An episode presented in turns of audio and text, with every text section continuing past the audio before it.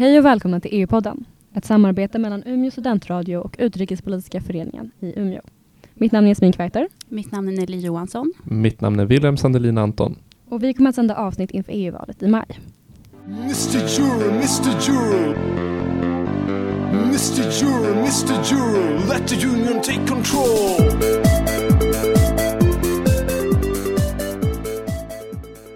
Dagens avsnitt är det tredje och sista avsnittet från UPFs kandidatdebatt. Ljudet i avsnitten kan variera något, främst Jasmin som var moderator hörs något dåligt. Kandidaternas svar, som är det viktiga, hörs dock bra. Varsågoda, dagens avsnitt av EU-podden som handlar om EUs framtid och EUs plats i världen. Stora muskler, gemensamt försvar, du får byråkrati och EU-skatt om du vill bli min i natt. Wow. Mr försvar. Wow. Mr Euro, du är superstar. Det är det jag vill ha. Nej, jag tycker inte att EU ska ha ett gemensamt försvar. Eh, försvarsfrågor är först och främst en nationell fråga. Däremot som moderat så tycker jag ju att man ska inleda ett samarbete med NATO och att ingå i NATO och därför så ser jag ingen som helst anledning till att ha ett europeiskt försvar. Eh, för övrigt så ser förutsättningarna för försvarspolitik otroligt olika ut mellan EU-medlemsländerna och jag anser högst, att det är högst en nationell fråga. Jag skulle inte vara bekväm med att andra europe- europeiska parlamentariker beslutade över mina soldater. Du beskrev ju precis hur det här säkerhetspolitiska samarbetet ser ut idag. Det är ett bra samarbete som vi också vill stärka från Kristdemokraternas sida, men vi säger nej till ett gemensamt försvar. Det vi skulle vilja göra för att kunna agera mer i utrikespolitiken, det är att idag, kommissionen som består av folkvalda eh, eh, politiker från, från våra olika länder, så det är ett demokratiskt system, Idag så behöver alla vara överens när vi ska göra insatser internationellt. När vi ska stå upp för de mänskliga rättigheterna till exempel. Vi tycker att det ska räcka med en kvalificerad majoritet för att fatta sådana beslut. För nu finns det enskilda länder som kan sätta stopp för de här insatserna som EU så gärna vill göra. Vi tycker att det är en stor motsägelse att säga att man hävdar mänskliga rättigheter och samtidigt satsar på att utveckla eh, vapenindustrin.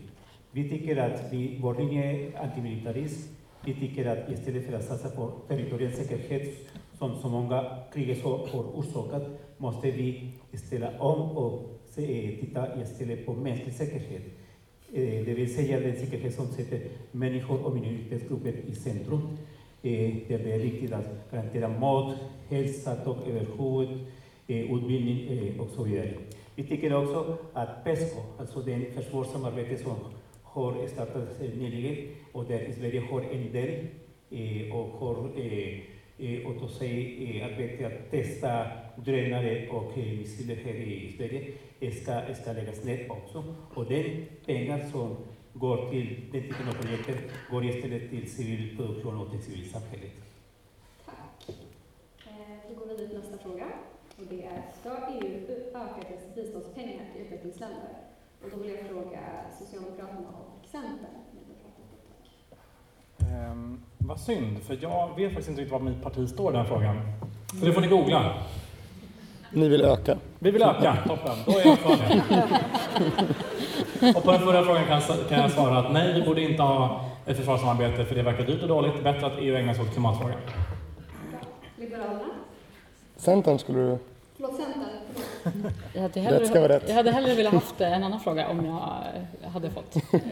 Om jag måste välja liksom, som inte får prata på alla. Okej, Ja. så sparar vi det sen. Ja, tack. Eh, Men SD vill prata. Det är, det är nice. Förlåt, det är bra. Det var ju Eh, nej, men vi, vi tror mer på att utvecklingsland utvecklingsländer genom handel. Eh, det har visat sig att biståndsprojekt är väldigt sällan framgångsrika. Eh, man kan hjälpa med medicin och annat, men det är bättre att få igång länders eh, handel. Och därför tycker vi att man ska ställa hårda krav när man handlar med, med länder som inte har kommit lika långt när det gäller till exempel mänskliga rättigheter, kan vara djurhållning eller vad det nu kan vara. Om vi ställer de rätta kraven, då hjälper vi dem att utvecklas och vi försämrar inte heller vår egen konkurrenskraft. Och det är ett bättre sätt att få länder att gå i rätt riktning som vi ser det. Ja, tack. Miljöpartiet. Ja, nej men jag, alltså som, så som utmaningarna ser ut idag, där vi har så stor ojämlikhet i världen och sådana utmaningar när det gäller biologisk mångfald och klimat, då ser jag att EU behöver verkligen ta ledarskap och krafttag när det gäller egentligen alla Agenda 2030-målen, alltså globala hållbarhetsmålen. Och det handlar ju om biståndspolitik, det handlar om vad vi har för handelspolitik, att vi har en rättvis handel gentemot våra grannländer och en kraftfull klimatpolitik och också att vi möter upp människor på flykt som är, som är utsatta på olika sätt och har liksom en väldigt stark, robust social rättvisa och trygghet. Så det är ju en palett av lösningar. Jag tror det viktiga är att man har, en, har ledare i Europa med till exempel gröna värderingar som står upp för solidaritet och ser till att de här frågorna genomsyrar hela politiken. För det, det här är så enormt stora frågor så det räcker inte att göra liksom en klimatåtgärd här och så har man hela handelspolitiken drar åt fanders. Utan vi måste se till att de här klimat, bistånds, mänskliga rättigheter-frågorna genomsyrar hela EUs politik. Det är fantastiskt med EU på det sättet och eh, vi medlemsländer att vi är de största liksom, ansvarstagarna i världen när det gäller att ge bistånd, att hjälpa och stötta andra länder i sin demokratiska eh, Eh, och sociala utveckling på många sätt. Och idag så är det 1 % av EUs budget som, som går till just det här. Sen hur vi använder pengarna, det kan bli bättre genom att vi går via civilsamhället i större utsträckning än eh, från liksom, staternas sida. Men tidigare så pratade vi om det här med ekologi versus liksom, ekonomi och jag skulle säga att Agenda 2030 är fantastiska målsättningar som har de här tre perspektiven som för mig som kristdemokrat handlar om förvaltarskap. Det sociala benet i det här är så viktigt. Kommer vi åt korruption runt om i världen, löser vi jämställdhetsfrågan med kvinnors inflytande, ja då kommer vi se förändring på riktigt och, och kunna möta även miljö och klimathoten på ett helt annat sätt. Tack så mycket. Vi går vidare till nästa fråga, men Liberalerna kommer få svara på den då. Eh, eftersom ni gillar den frågan också. Ska Sverige öka sitt bidrag med pengar till EU? Ja, Alltså, generellt nej, men, men vi lever ju i en tid där ska vi hantera migrationen till exempel och utöka migrationssamarbetet, ska vi ha det vi vill ha, ett europeiskt FBI, det vill säga en polismyndighet i Europa, och ska vi se till att ha en forskning och en innovation i världsklass, då kommer det kosta pengar. Vi tycker framförallt egentligen att vi borde kapa jordbrukssubventioner, sluta subventionera europeiska bönder och samtidigt hålla ut afrikanska bönder från att handla med oss. Vi tycker att det vore en bättre lösning. Men eftersom det finns partier i Sverige men också stora i länder som Frankrike och Polen som driver emot det här, då måste vi idag svara på frågan, ska vi, ha, ska vi gå med på en budget som finansierar det som de flesta partierna här är för, eller ska vi motstridigt streta emot och säga nej som Sverige alltid gör i alla lägen? Då säger vi ja till det. Men, men det är naturligtvis, vi skulle hellre se att vi kapar jordbrukssubventioner och använder de pengarna. Tack så mycket. Moderaterna, sen SD. Ja, nej, jag tycker verkligen inte att vi ska betala mer medlemsavgift till EU. Eh, Jag tycker ju alltid att man ska betala så lite avgift som möjligt. Nu är det onekligen så att eh, Brexit kommer påverka EUs budget ganska så mycket, men då är mitt svar på det att EU bör fokusera på det som verkligen vi behöver fokusera på i ett internationellt samarbete. EU ska fokusera på klimatfrågor, trygghetsfrågor och att minska brottslighet inom EU. Sen tycker jag ju inte behöver syssla med så mycket mer faktiskt och då tror jag att pengarna räcker till. Vi ska absolut inte gå med på den här höjningen. Det har pratats om en höjning på 15 miljarder. 15 miljarder är nästan vad hela polisen, vad polisen i Sverige kostar per år. Det motsvarar ungefär 37 000 betala sjuksköterskor. Så det ska vi inte. EU måste lära sig prioritera. Jag kan säga en del om de här fonderna och vad de här bidragen går till. Otroligt svinn och slöseri här. Och med det menar jag, jag kan ge ett exempel. För ja, x antal år sedan, jag vet inte hur många, så byggdes det en flygplats i Spanien. Den kostade 10 miljarder kronor. Inte ett plan har varken lyft eller landat på den här flygplatsen, för den behövdes inte.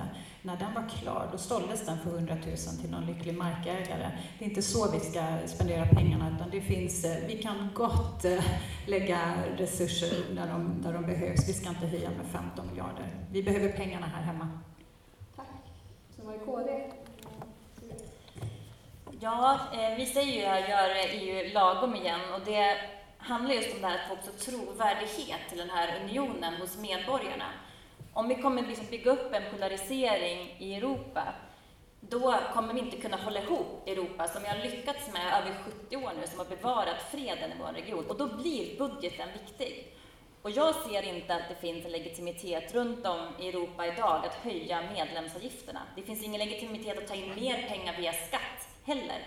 Utan lämnar England ja, då gäller det att vi bantar den här budgeten och, och använder den där den eh, verkligen behövs. Sen är det svårt men, eh, att, prioritera såklart. Jordbruksstödet finns det massor att göra, att det snarare ska gå till mer miljövänliga och klimatsmarta jordbruk till exempel, än att eh, subventionera en massa fossila lösningar som man gör idag. Men det handlar om att se över de olika bidragen och stöden också. Det ska gå framförallt till de fattigaste länderna och där pengarna behövs som mest. Eh, Men jag var här också och besökte ett av era kommunala infrastrukturbolag på förmiddagen. Och här är pengarna viktiga också för vår infrastruktur i Norrland. Tack så mycket. Tack. Då går vi vidare till nästa tema inom rubriken Framtidens EU och det är den sociala pelaren. Jag vet inte om det är min klocka för er i publiken, jag skriver sociala pelaren. Kanske inte. Sociala pelaren är en dimension där man talar om rättvisa på arbetsmarknaden till exempel.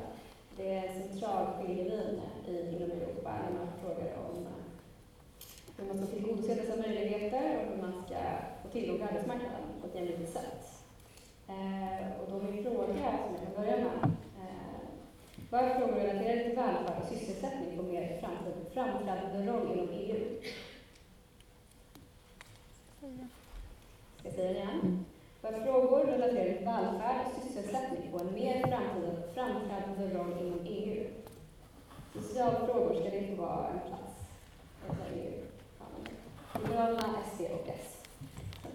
Det korta svaret på den konkreta frågan är nej. Alltså, vi ska inte ha europeiska, europeiska sjukvård, även om jag tycker att vi ska ha specialistsjukvård i Europa. Vi ska inte heller ha en europeisk arbetsmarknadspolitik, därför att det sköts i nuläget framförallt på nationell nivå. Eh, och vi säger nej till de här delarna. Vi säger nej till det som innebär att man skulle inskränka på svenska kollektivavtal och vi säger också nej till de delarna som handlar om minimilöner i Europa, därför vi tror att det är fel väg att gå att politiker ska besluta om det. Men vi säger ja till att stå upp för sociala rättigheter i Europa. Vi står upp för att det måste få finnas miniminivåer kring hur vi behandlar människor på den här kontinenten, kring hur man behandlar människor på en arbetsplats, kring hur man behandlar människor i vardagen, kring diskrimineringslagstiftning och mycket annat. Jag personligen tycker att den sociala pelaren har liksom blandats snett, ganska långt från vad det var tänkt från början. Men det är viktigt att skilja på det där, därför det är viktigt att vi står upp för sociala rättigheter och det kan vi göra även om vi inte vill ha kollektivavtal på EU-nivå. Ja, men vi vill inte se lagstiftning eh, inom den här sociala pelaren därför att för oss är det viktigt att besluten fattas så nära människor som möjligt. Eh, och vi tycker att det är en oerhört naiv eh, hållning att vilja öppna upp just arbetsmarknaden till EU för att i Sverige har vi en väldigt speciell modell som inte finns nästan någon annanstans i Europa och då att tro att det är den modellen som skulle gälla för alla andra EU-länder om vi lägger upp det här på EU-nivå, det är otroligt naivt. Det som snarare lär hända är att vi får någon annan modell eh, som, är, som en majoritet av de andra länderna har. Så vi vill behålla den svenska modellen och för att göra det så vill vi inte se lagstiftning på det här området på EU-nivå. Socialdemokraterna. Eh, nej, och det är väl inte vi heller. Eh, jag tror att det är jätteviktigt att eh, EU börjar fundera mer på de här frågorna. För att EU har mest ägnat sig åt så här, hur vi ska rädda olika banker hela tiden. Då vore det fint om EU också kunde tänka lite grann på oss som bor här. Och det tror jag är en jättebra grej. Eh, däremot så är det många som känner en oro inför den sociala pelaren. Och det behöver man inte göra, den kommer inte vara tvingande. Däremot är det ganska bra tycker jag innan man sätter sig på ett tåg eller sätter sig i en bil att man vet vart man ska. Jag tänker att den här sociala inriktningen som det här egentligen handlar om är en ganska bra så här, riktväg. Att vi börjar prata om, att vi börjar granska varandra länder emellan så här, vad EU ska göra och vad vi ska lägga tid på. Så att jag är positiv. Eh, SD. Nej, jag tycker Liberalerna och Centern sammanfattar det ganska bra faktiskt. Jag, ja, jag kan säga att jag håller med. Moderaterna. Ja, absolut. Vi är överens här på högerkanten. Eh, däremot så måste jag nästan få be er att ställa följdfrågor till Socialdemokraterna. För så vitt jag kan min EU-politik så är Socialdemokraterna väldigt positiva till den sociala pelaren och vill att vi ska ha gemensam arbetsmarknadspolitik inom EU, vilket jag själv tycker är skit och pannkaka. Jag vill försvara den svenska arbetsmarknadens rätter och jag vill inte kompromissa med andra EU-länder. Så jag vill gärna att ni ställer följdfrågor till sossarna på det här. Jag är så redo. Och då gör vi så här. Eh, Liberalerna får replik, sen får Socialdemokraterna en replik. sen får Nej, men jag måste bara svara på det med EU rädda banken. Alltså, till att börja med, vilka är EU? EU är politiker som är framröstade av oss i det här rummet och även av andra, i hög grad socialdemokrater dessutom. Och vad, när det gäller just rädda bankerna, nej jag tycker inte att vi ska ha en union som utgår från bankernas behov. Men unionen ska gå utgå från människornas behov. Och det som hände i samband med finanskrisen, det var mycket som gjordes rätt och mycket som gjordes fel. Men hade vi låtit våra banker gå i konkurs, om Sverige skulle låta Swedbank gå i konkurs, då kommer våra pengar försvinna, då kommer pengar brinna inne, då kommer samhället kollapsa och då finns det inga sociala rättigheter kvar att bevara. Så att jag tycker att man ska vara försiktig när man skriker sig hes, ska inte jag säga kanske, men om, om, saker, om saker och ting hela tiden. Utan det handlar om, det handlar om att vara tydlig och det handlar också om att vara ärlig, Socialdemokraterna. Tack så mycket. Och det blir Socialdemokraterna. Ja, och det håller jag med om. Och det är därför jag har sagt flera gånger här nu att den sociala pelaren kommer inte att bli tvingande lagstiftning. Det står till och med inskrivet att det inte ska bli det. Så den oron behöver ni på den här kanten inte känna. Det har vi sett till att det kommer inte vara. Annars är vi väldigt för den sociala pelaren. Det är bra att EU ägnar sig åt oss som bor här och våra rättigheter så att det blir ordning och reda på arbetsmarknaden. Som jag sa i mitt inledningsanförande, vi ska inte ha lastbilschaufförer i Danmark som tvingas jobba 24 timmar om dygnet. Det är liksom orimligt. KD satsar på Moderaterna i Ja, men det låter ju fint från Socialdemokraterna. Det var det här man sa när man skrev, skrev upp de här eh, olika punkterna, sociala pelaren. Men redan nu så ser vi lagstiftning. Nu har EU, alltså i Bryssel och Strasbourg, så har man beslutat om att hur många pappadagar vi ska ha i de olika länderna. Alltså man är inne på den detaljnivån och det här är frågor som ska vara på nationell nivå. Och risken när vi lyfter upp lagstiftning inom de här frågorna, det var eh, för ett par år sedan så var det nära att man beslutade i EU att eh, mammor, alltså när man precis har blivit mamma så ska man inte få gå och jobba, för då ska man vara hemma med sitt barn. Alltså ni förstår, EU, som jag sa inledningsvis i mitt anförande, vi ska respektera våra olikheter också. Lyfter vi upp allt för många frågor på den här nivån, då riskerar vi att få eh, dels ingen förståelse för det som händer där, för vi ger några få politiker för mycket makt, och vi får ett sämre Sverige i slutändan också. Tack så mycket. Och då kör vi vi sista replik, så kör vi F i vänster. Jag har mycket svårt att förstå hur man kan säga att man tycker en produkt är bra men att man inte tänker gå till val på den. Eh, det är ju precis det som Socialdemokraterna säger nu, att man, stött, man står upp för den sociala pelaren men att man inte vill ha den i EU. Det för mig låter väldigt märkligt. Och för övrigt så blir jag väldigt förvånad när man pratar om den här icke-fungerande arbetsmarknaden, för det är väl exakt det som vi har i Sverige. Vi har en ganska, alltså en ganska trygg och ganska bra arbetsmarknad, till, visserligen till skillnad från andra EU-länder, men det är ju här den fungerar. Se för guds skull till att vi inte får en social pelare inom EU så att den slutar fungera. Tack så mycket. Jag vill bara en gång till vad sociala pelaren alltså så alla i samtalet. Det handlar alltså om att tillgodose lika möjligheter och tillgång till arbetsmarknaden, att främja rättvisa arbetsvillkor och slutligen tillgodose social trygghet och rekrytering. Bueno, bueno, Jos- eh, sociala pelare, vi tycker att om det finns en samarbeta globalt eh, eh, inte bara klimatfråga utan också social. Men sociala pelare har en väldigt eh, problematisk eh, och det är det som flexicurity. Alltså den möjligheten som arbetsgivare en flexibel arbetsmarknad de kan anställa när de och de. Vi vill ha en väldigt stark eh, arbetsmarknad som garanterar eh, rättigheterna för alla inblandade, framförallt arbetstagare. Eh, sen tycker vi att när det gäller sociala rättigheter i allmänhet, det behöver resurser. Vi tycker att vi, eh, vi, vi måste satsa på samarbete och resurser för att garantera sociala rättigheter som är också mänskliga rättigheter. Vi kan inte blunda och säga nej, det är en, eh, en nationell angelägenhet. Sociala rättigheter, mänskliga rättigheter och det innebär att alla länder måste satsa på det. Tack så mycket. Då tar vi Vänsterpartiet och Miljöpartiet. Japp. Högern vill inte ha lagstiftning på det här området och det beror på att EU är ett marknadsliberalt projekt. Alltså jag skulle vilja vända på det här. EU tvingar Sverige till att inte kunna använda svenska kollektivavtal på svensk arbetsmarknad. EU tvingar Sverige till lönedumpning. Det här vill vi ändra på. Det här är ett tvång från EU. EU har tvingat flera länder till nedskärningspaket i Grekland, i Spanien, i Portugal. EU tvingar på oss reformer som försämrar på arbetsmarknaden för vanliga löntagare. Det här är också anledningen till att högerextremismen har fått grogrund och kunnat växa. Det här är ett av de stora problemen med EU. Vi behöver se till så att jobbar man i Sverige och finns man i Sverige, då ska svenska kollektivavtal och löner gälla. Därför behövs ett socialt protokoll för det här. Och det behöver även gälla för företag som är verksamma runt om i Europa som är svenska. De måste kunna kräva det på sina arbetsplatser där också. Här har EU väldigt mycket att göra. Tack så mycket. Och jag vill bara påminna alla publiken att om ni har själva en fråga kan ni skriva till vår Facebook-sida. Så kan vi svara på typ av eh, MP vill jag också svara. Ja, jag håller med mycket om det sista det Bore sa här sist. Därför att vi i Miljöpartiet ser också läget där eh, när liksom grundläggande sociala tryggheter och rättigheter för människor har försvunnit i, i EUs medlemsländer så har också protektionism, nationalism, främlingsfientlighet fått grogrund. Och det kommer bara slita isär människor och skapa mer risk för konflikter. Så det här är någonting vi måste komma åt. Men vi i Miljöpartiet vill också när det gäller sociala frågor i EU framför allt lyfta kvinnors rättigheter. Vi måste ha mycket mer jäm, jämlikhet och jämställdhet inom EU. Kommissionen har bland annat lagt ett förslag om att vi ska ha kvotering i börsnoterade bolagsstyrelser inom Europa. Och det vill vi i Miljöpartiet att det ska komma på plats. Eh, vi vill också införa en metoo-lag. Alltså situationer med sexuella trakasserier som kvinnor över hela Europa blir utsatt för. Där borde vi på EU-nivå kunna vara tydliga med vart vi drar linjen i sanden. Alla ska ha samma rätt till sin egen integritet oavsett om man är född kvinna eller man. Tack. Och då vill jag läsa sin sista replik på 30 sekunder.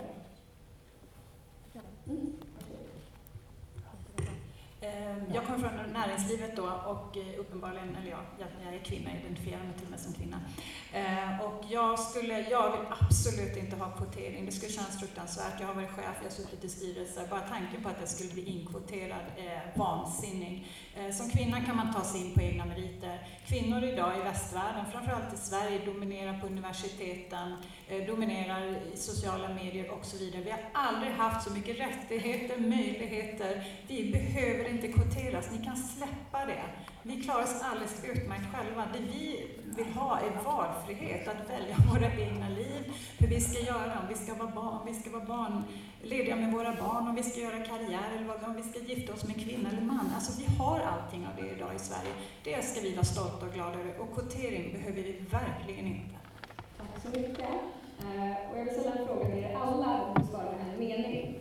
Eh, vilka sociala utmaningar den största av dem. Vi börjar med eh, FI som går med Ursäkta, Kan du repetera frågan? Eh, En mening. Vad är vår största sociala utmaning?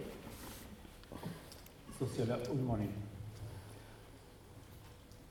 Att minska, att minska sociala klyftor speciellt eh, diskriminering mot eh, kvinnor i samhället. Ja, helt klart jämlikheten. Alltså 10 procent av de rikaste äger idag över hälften av jordens resurser.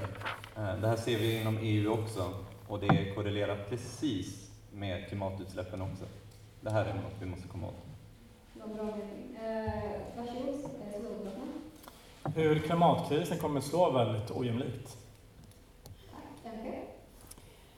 Att eh, människor inte blir sedda och eh, respekterade och behandlade utifrån den individ man är, de val man gör, utan utifrån vilken hudfärg man har, vilket kön man har, på alla möjliga sätt eh, diskriminerade, eh, klass etc.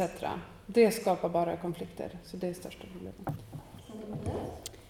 Det är hur vi ser hur eh, Viktor Orbáns Ungern till exempel och Polen håller på och nedmonterar kvinnors rätt till sin egen kropp och gör det svårare att göra abort. Det är den absolut största sociala utmaningen just nu och det måste vi stå upp emot på, på samma tema, nationalismens framväxt. För det leder både till inskränkningar av kvinnors rättigheter, homosexuellas rättigheter och olika minoritetsgruppers rättigheter. Men det innebär också att man drar ur sina länder från Parisavtal och inte gör tillräckligt för klimatet. Det är en oerhörd utmaning på alla plan. Den största sociala utmaningen just nu det är den ökade brottsligheten och kriminaliteten i EU som gör att vi känner oss män, kvinnor, oavsett var vi kommer ifrån, otrygga. Och därför så behöver EU en mycket skarpare brottspolitik. Ja, det är utsattheten för eh, minoriteter i Europa och att eh, inom trafficking så ökar andelen barn och det pratas det alldeles för lite om.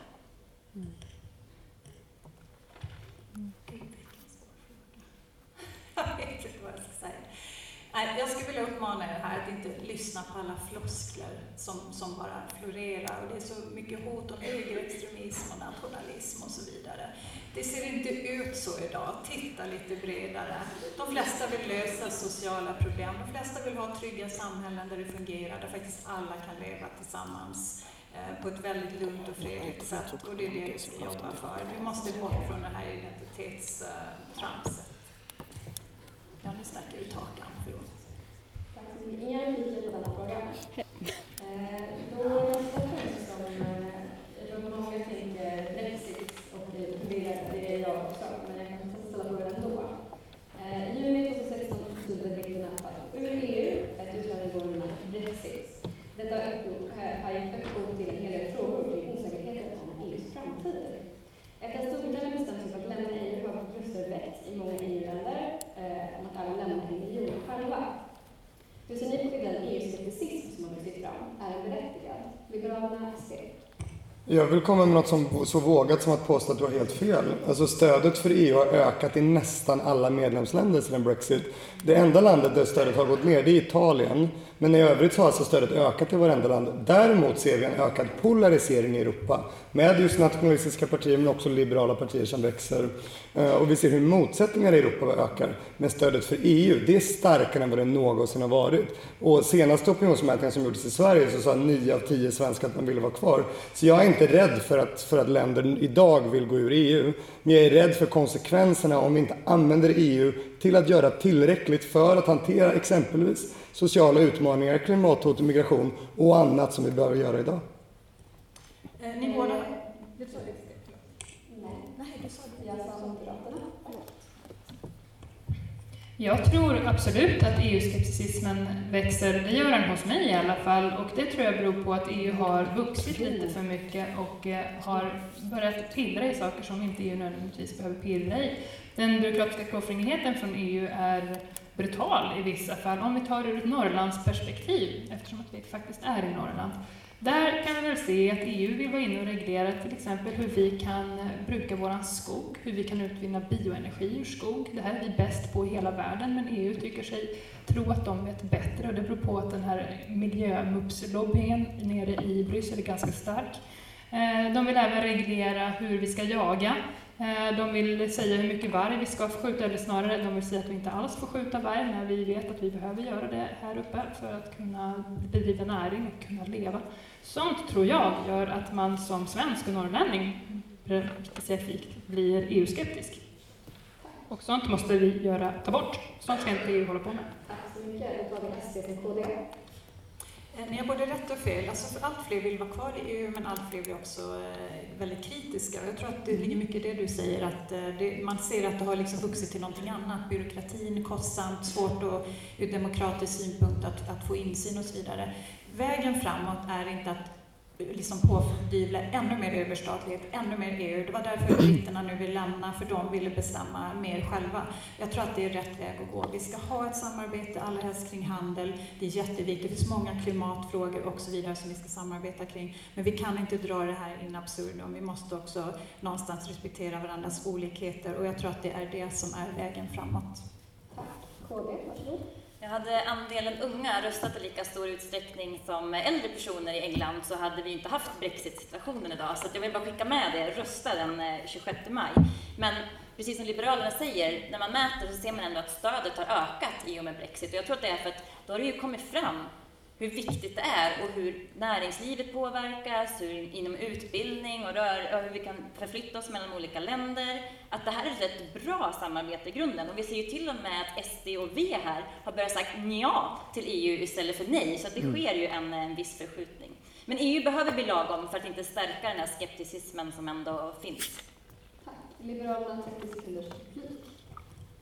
Ja, nej, men det, det stämmer att det finns en kritik riktad mot det EU som fungerar idag och den är till stor del berättigad. Men jag blir också rätt provocerad när, när Moderaterna pratar, kritiserar det. Därför att ordföranden för Europeiska kommissionen är konservativ. Ordföranden för Europeiska rådet är konservativ. Talmannen i Europaparlamentet är konservativ. Den största gruppen i Europaparlamentet de senaste 20 åren är konservativa och den största gruppen bland regeringscheferna i Europa är, gissa vad, konservativa.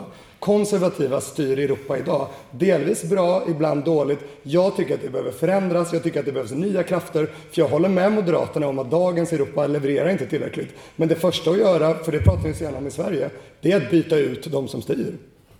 Tack så mycket. Moderaterna. Nu kommer vi till det politiken som så fint heter kontrareplik. Eh, och då säger jag bara som en kort då kontrareplik på repliken.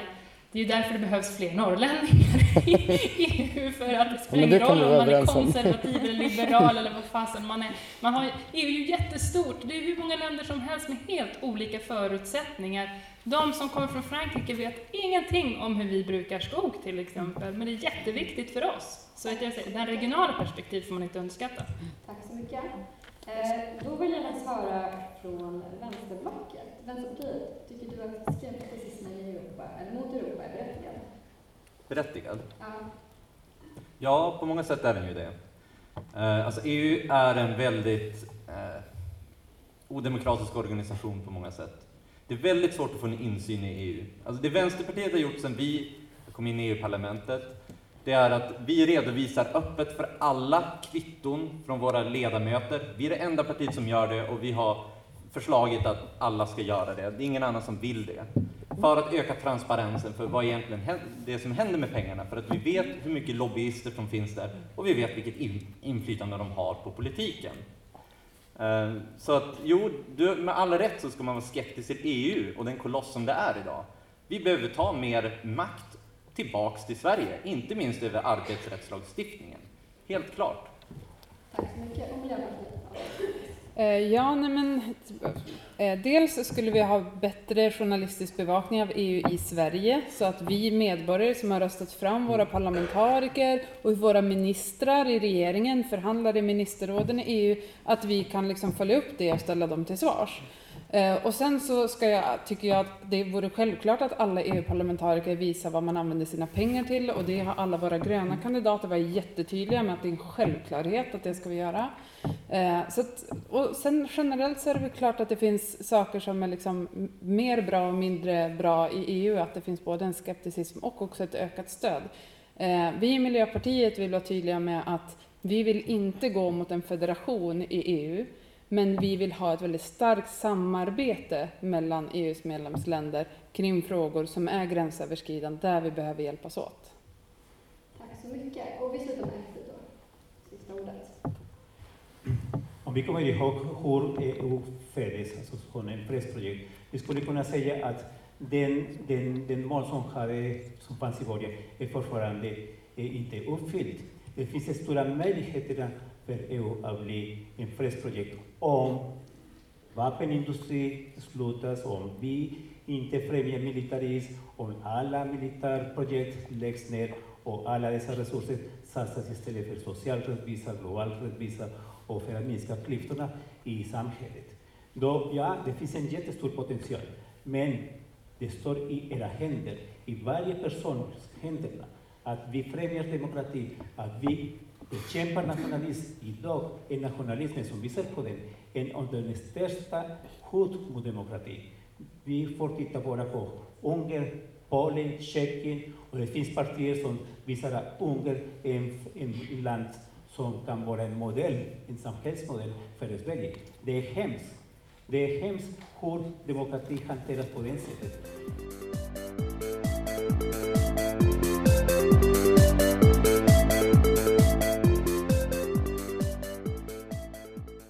Du har lyssnat på EU-podden av Jasmin Kuwaiter, Wilhelm Sandelin Anton och Nelly Johansson. EU-podden är ett samarbete mellan Umeå studentradio och Utrikespolitiska föreningen Umeå.